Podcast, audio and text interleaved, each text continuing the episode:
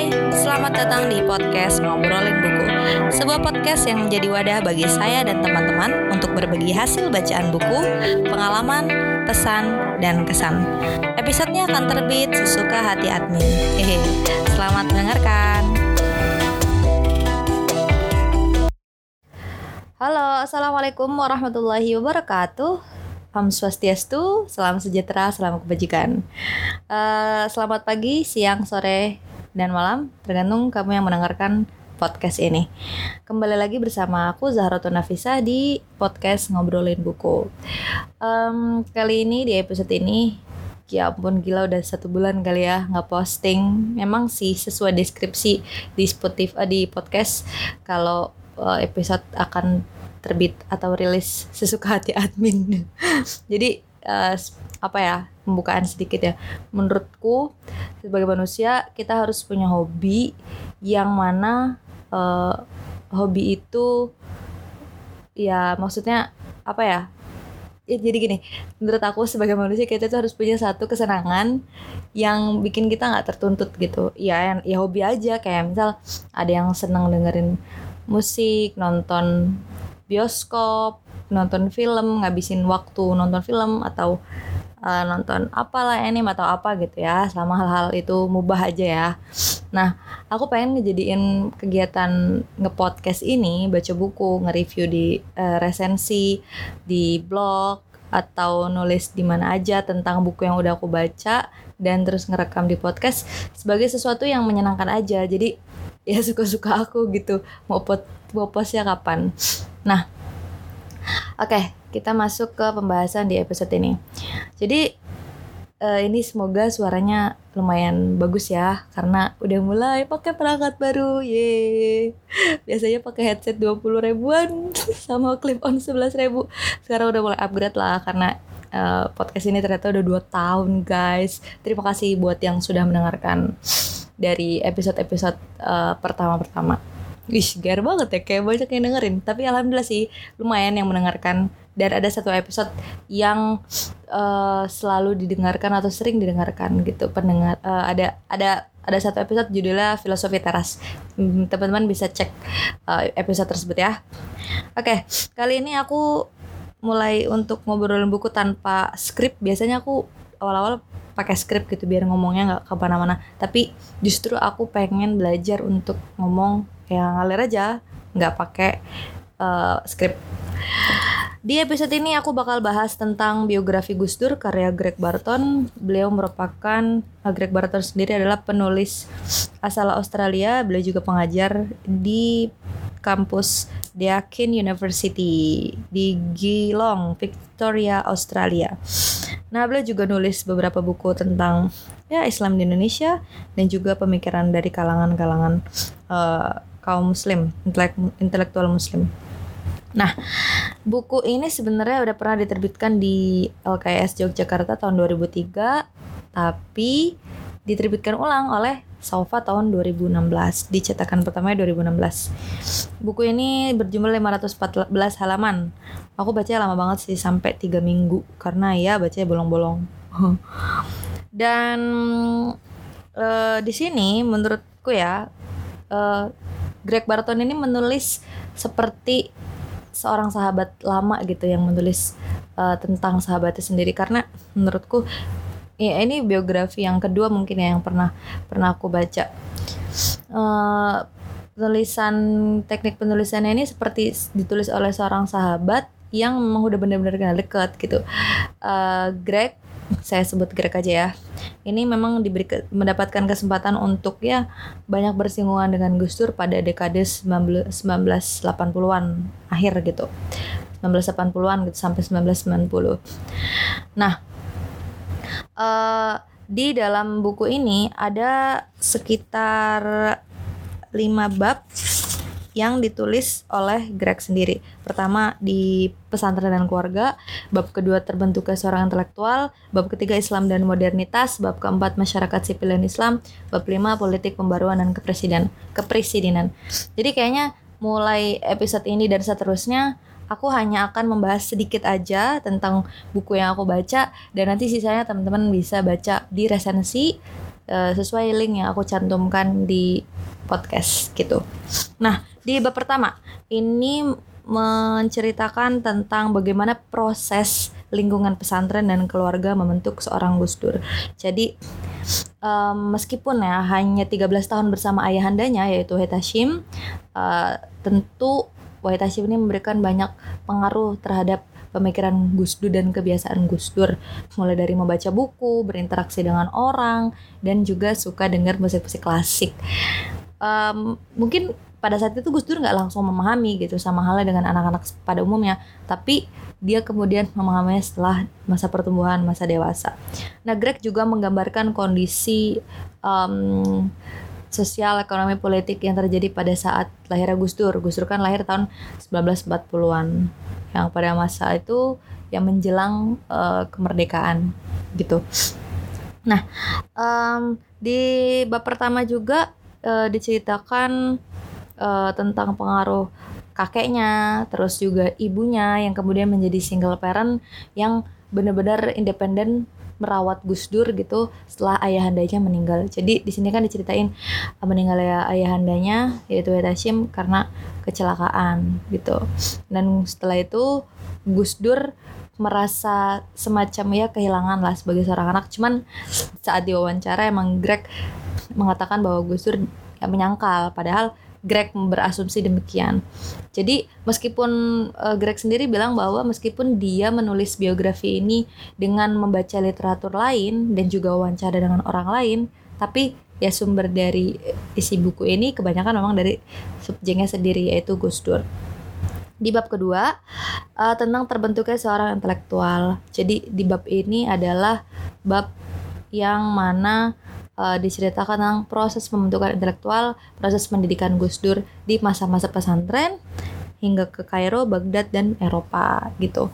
Uh, Gus Dur memang ya karena beliau punya latar belakang seorang anak kiai ya. Jadi relasi beliau dengan guru-guru pesantren di Jawa, kiai-kiai besar di Jawa tentu lebih mudah gitu. Jadi setelah Gus Dur lulus uh, eh, SD, Gus Dur kemudian melanjutkan uh, SMP terus habis itu langsung masuk ke pesantren-pesantren Jawa. Dan hmm, di beberapa pesantren di Jawa mereka Gus Dur langsung berguru kepada kiai besarnya gitu. Seperti Kiai Ali Maksum yang ada di Kerapyak. Dan ada juga salah satu tokoh Muhammadiyah.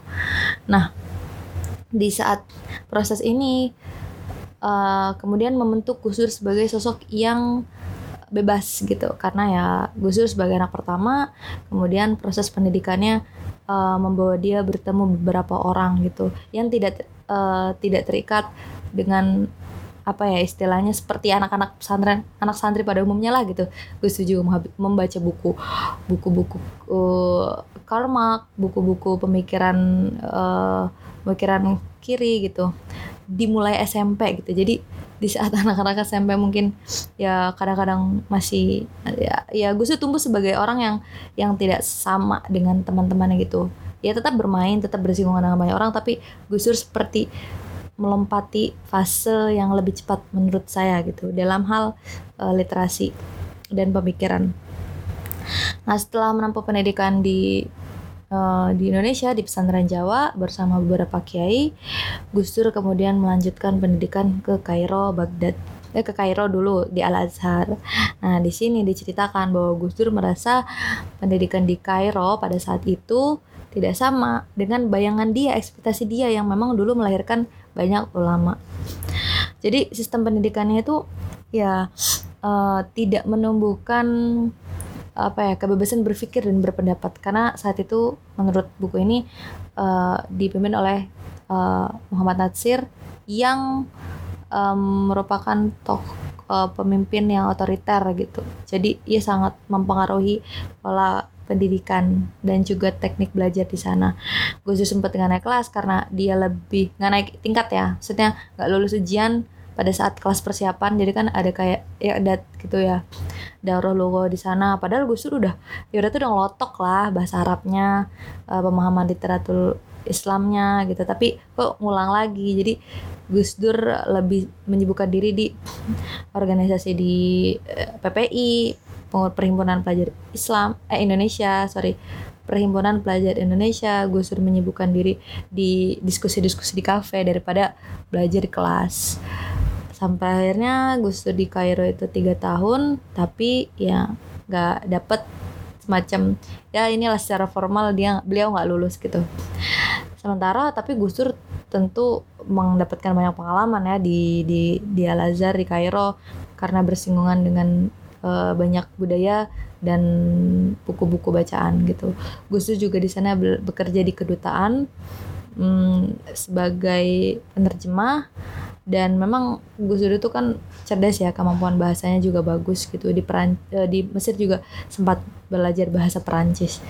Nah karena Hmm, Gus Dur juga ya merupakan salah seorang anak Kiai Wahid Hashim itu ada pengaruh sih sebenarnya.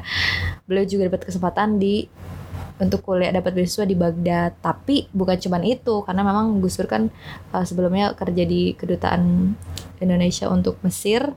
Nah, Kemudian Gus Dur melanjutkan ke Baghdad dan di sini beliau mulai serius untuk menempuh pendidikan formal selama empat tahun itu.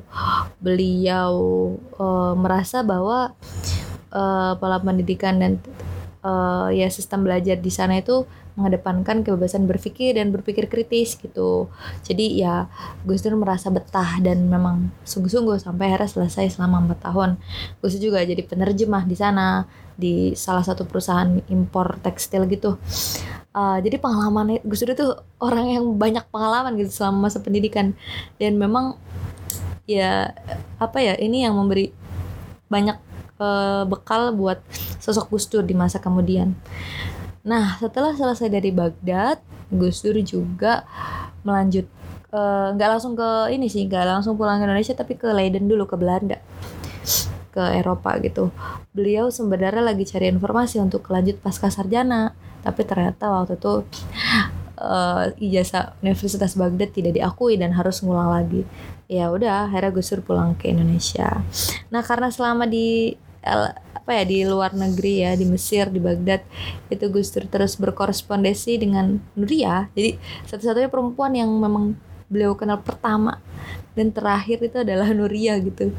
Ya sebenarnya Gus Dur sudah diakatkan waktu uh, Gus Dur masih di luar uh, negeri pada saat itu. Mungkin kayaknya di Baghdad atau lagi di Mesir ya udah diakatkan. Sudah berstatus suami istri pulang ke Indonesia dengan Nuria uh, melakukan resepsi gitu. Nah, eh, di bagian ketiga Islam dan modernitas. Nah, di sinilah mulai diceritakan tentang pengalaman Gus Dur sebagai uh, seorang intelektual gitu. Sebenarnya Gus Dur itu ingin tumbuh menjadi atau ingin mengabdikan dirinya sebagai seorang akademisi. Tapi ya pada beberapa fase akhirnya Gus Dur uh, uh, masuk kepada ranah politik dari awalnya dari PBNU terus ke PKB terus ya kemudian menjadi presiden. Nah di bagian ketiga ini uh, digambarkan pada saat itu pemerintahan Soeharto memberi banyak pengaruh untuk kelompok-kelompok Muslim. Soeharto mengandung kelompok-kelompok kanan melalui ICMI ya waktu itu Ikatan Cendikiawan Muslim Indonesia. Nah uh, di sini tuh aku baca biografi ini memang karena Gus Dur kan hidup bersinggungan banyak banget lama banget dengan pemerintahan Soeharto. Jadi memang uh, polemik di politik Soeharto yang sangat complicated ini memenuhi buku ini gitu. Dan aku berkali-kali kayak wah anjir ini Soeharto jahat banget gitu. Uh, memang apa ya ambisi Soeharto untuk terus-terusan menjadi presiden ini menjadi banyak inilah memberikan banyak dampak negatif dan luar biasa gitu bagi bagi bangsa Indonesia bagi masyarakat gitu. Memang di beberapa daerah mengalami kesejahteraan gitu. Tapi di Jawa ini yang justru mendapatkan dampak buruk. Dan ya eh, Soeharto beserta keluarga sangat serakah dan banyak melakukan nepotisme. Nah di sini di Islam dan modernitas eh, memang belum terlihat banyak persinggungan Gus Dur dengan Soeharto, tapi uh, proses pertumbuhan intelektual Gus Dur yang kemudian banyak menulis dan banyak juga mulai mengkritik uh, pandangan keislaman yang tumbuh pada saat itu gitu.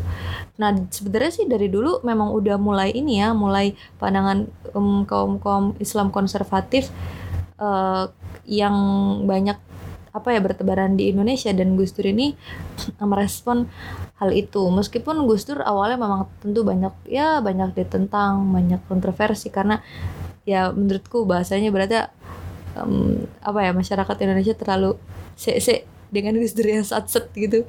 Jadi Gus Dur memang sudah berpikiran maju gitu kan. Sedangkan banyak sekali tradisi Indonesia tradisi keislaman di Indonesia ya bukan di ini ya tapi Gus Dur itu kan memadukan antara tradisional dan modernitas gitu uh, justru uh, di situ Gus Dur menghadirkan banyak sisi atau dimensi budaya dan uh, tradisi Indonesia gitu uh, yang mengakulturasikan Islam. Nah, sedangkan kaum konservatif itu kebanyakan kan kaum tekstual yang sebenarnya juga ya, jadi inilah tunggangan politik Soeharto pada saat itu. Ada kepentingan tertentu, ada kepentingan politik tertentu. Nah di bab berikutnya barulah diceritakan tentang um, Gus Dur yang kemudian terlibat dalam beberapa kelompok untuk melakukan reformasi gitu. Ya meskipun banyak kontroversi dan tentu Gus Dur banyak mendapatkan perlawanan gitu dari orang-orang politiknya Soeharto atau orang-orangnya Soeharto ya disebutnya. Tapi uh, Gus Dur ini sosok yang sangat berani gitu, sosok yang nekat lah ibaratnya gitu. Uh, apa Gus Dur bersama beberapa tokoh lainnya termasuk Amin Rais pada saat itu yang sebenarnya uh, bergabung di ICMI juga mulai bergandengan tangan lah dengan Gus Dur untuk lama-lama mm, melawan Soeharto gitu. Ya gitu ya namanya politik ya. Bisa jadi lawan kawan bisa jadi lawan lawan bisa jadi kawan gitu. Nah di bab keempat ini diceritakan uh, Gus Dur membentuk kelompok-kelompok atau forum-forum diskusi untuk menumbuhkan nilai-nilai demokrasi gitu di masyarakat dan mereka agar mereka sadar gitu bahwa selama ini uh, Oroba ini ya pelan-pelan harus um, apa namanya ya harus dilakukan perubahan gitu nggak boleh dong orang memerintah selama itu dan dan tentunya banyak terjadi tindakan nepotisme di saat itu. Nah, di bab terakhir baru di bagian politik pembaruan dan kepresidenan di sini ya diceritakan juga tentang uh, Gus Dur yang banyak sekali tindakan Gus Dur yang memang kontroversial. Greg sendiri tidak hanya memuji Gus Dur ya, tapi juga melakukan kritik terhadap beberapa tindakannya yang terkesan ceroboh dan sulit dipahami oleh masyarakat umum pada saat itu. Jadi Greg sangat objektif dalam menulis biografi ini karena Greg memberikan um, pujian sekaligus kritikan gitu. Memang Greg seperti tulus gitu menulisnya karena Greg berkali-kali menuliskan ya ini karena penerjemahannya juga sih menuliskan bahwa banyak sekali orang yang sayang sama Gus Dur banyak sekali orang yang mendukung dan dan apa memandang Gus Dur dengan pandangan cinta gitu Gus Dur itu sebelum sebelum dia beliau menjadi presiden sudah uh, melalui PBNU ya sudah melakukan dialog-dialog dengan uh, tokoh-tokoh agama atau konflik-konflik berseteru karena persinggungan agama gitu atas nama agama. Jadi pertikai pada saat itu pertikaian perseteruan uh, atas nama agama terjadi. Dan Gus Dur sebelum jadi presiden sudah melakukan uh, rekonsiliasi dari dua kelompok yang berseteru itu.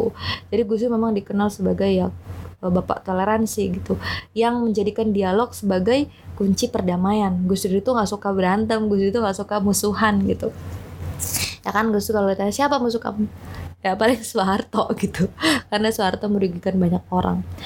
Uh, dan di dalam buku ini juga diceritakan tentang uh, apa namanya banyak sekali tindakan Gus Dur yang saat itu sebenarnya kan politik Soeharto ini kan politik militer yang sebenarnya juga di apa ya menarik simpati banyak kaum militer pada saat itu. Karena ya kau uh, tidak semua kan hal harus di diselesaikan dengan cara kekerasan gitu dengan cara yang militer gitu.